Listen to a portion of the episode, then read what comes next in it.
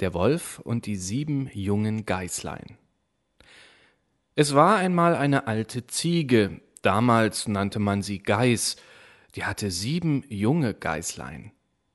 Sie hatte sie so lieb, wie eben eine Mutter ihre Kinder lieb hat. Eines Tages wollte sie in den Wald gehen und Futter holen, da rief sie alle sieben herbei und sprach Liebe Kinder, ich muss hinaus in den Wald, seid inzwischen brav, schließt die Tür gut zu und nehmt euch in Acht vor dem Wolf. Wenn er hereinkommt, frisst er euch mit Haut und Haaren. Der Bösewicht verstellt sich oft, aber an seiner rauen Stimme und an seinen schwarzen Füßen werdet ihr ihn gleich erkennen. Die Geißlein sagten Liebe Mutter, wir wollen uns schon in Acht nehmen, du kannst ohne Sorge fortgehen. Da meckerte die Alte und machte sich getrost auf den Weg. Es dauerte nicht lange, da klopfte jemand an die Haustür und rief Macht auf, ihr lieben Kinder, eure Mutter ist da und hat jedem von euch etwas mitgebracht. Aber die Geißlein hörten an der rauen Stimme, dass es der Wolf war. Wir machen nicht auf, riefen sie, du bist nicht unsere Mutter, die hat eine feine und liebliche Stimme, deine Stimme ist aber rau, du bist der Wolf. Da ging der Wolf fort zum Krämer und kaufte sich ein großes Stück Kreide. Er aß es auf und machte damit seine Stimme fein.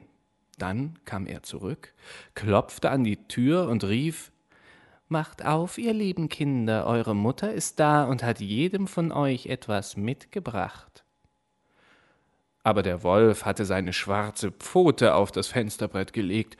Das sahen die Kinder und riefen Wir machen nicht auf, unsere Mutter hat keinen schwarzen Fuß wie du, du bist der Wolf. Da lief der Wolf zum Bäcker und sprach Ich habe mir den Fuß angestoßen, streich mir Teig darüber. Als ihm der Bäcker die Pfote bestrichen hatte, lief er zum Müller und sprach Streu mir weißes Mehl auf meine Pfote. Der Müller dachte, der Wolf wollte jemanden betrügen und weigerte sich. Aber der Wolf sprach Wenn du es nicht tust, fresse ich dich. Da fürchtete sich der Müller und machte ihm die Pfote weiß. Nun ging der Bösewicht zum dritten Mal zur Haustür und klopfte an und sprach Macht auf, ihr Kinder, euer liebes Mütterchen ist heimgekommen und hat jedem von euch etwas aus dem Wald mitgebracht. Die Geißlein riefen Zeig uns zuerst deine Pfote, damit wir wissen, dass du unser liebes Mütterchen bist. Da legte der Wolf die Pfote auf das Fensterbrett. Als die Geißlein sahen, dass sie weiß war, glaubten sie, es wäre alles wahr, was er sagte, und machten die Tür auf. Wer aber hereinkam, war der Wolf. Die Geißlein erschraken und wollten sich verstecken. Das eine sprang unter den Tisch, das zweite ins Bett, das dritte in den Ofen, das vierte in die Küche, das fünfte in den Schrank, das sechste unter die Waschschüssel, das siebente in den Kasten der Wanduhr. Aber der Wolf fand sie und verschluckte eines nach dem andern.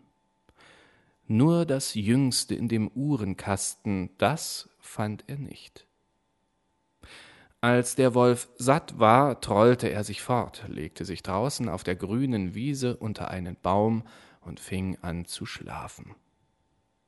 Nicht lange danach kam die alte Geiß aus dem Walde wieder heim.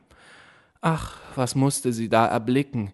Die Haustür stand sperrangelweit offen, Tische, Stühle, Bänke waren umgeworfen, die Waschschüssel lag in Scherben, Decken und Polster waren aus dem Bett gezogen. Sie suchte ihre Kinder, aber nirgends waren sie zu finden. Sie rief sie nacheinander bei ihren Namen, aber niemand antwortete. Endlich als sie das Jüngste rief, antwortete eine feine Stimme Liebe Mutter, ich stecke im Uhrkasten. Da holte die Mutter das junge Geißlein aus seinem Versteck heraus, und es erzählte ihr, dass der Wolf gekommen wäre und die anderen alle gefressen hätte. Ihr könnt euch denken, wie da die alte Geiß über ihre armen Kinder geweint hat. Endlich ging sie in ihrem Jammer hinaus, und das jüngste Geißlein lief mit. Als sie auf die Wiese kamen, lag der Wolf immer noch unter dem Baum und schnarchte, dass die Äste zitterten. Die alte Geiß betrachtete ihn von allen Seiten und sah, dass in seinem Bauch sich etwas regte und zappelte. Ach Gott, dachte sie, sollten meine armen Kinder, die er zum Nachtmahl hinuntergewürgt hat, noch am Leben sein?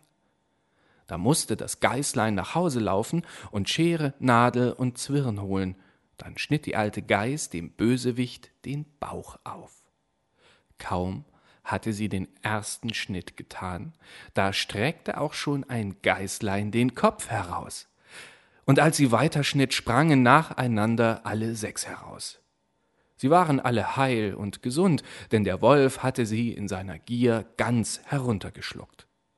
Das war eine Freude. Da herzten sie ihre liebe Mutter und hüpften wie Schneider bei einer Hochzeit.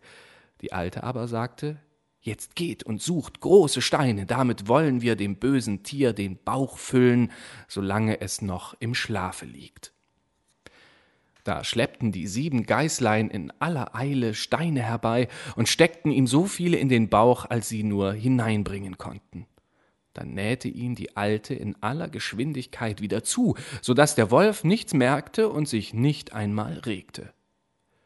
Als er endlich ausgeschlafen hatte, machte er sich auf die Beine und weil ihm die Steine im Magen großen Durst verursachten, wollte er zu einem Brunnen gehen und trinken.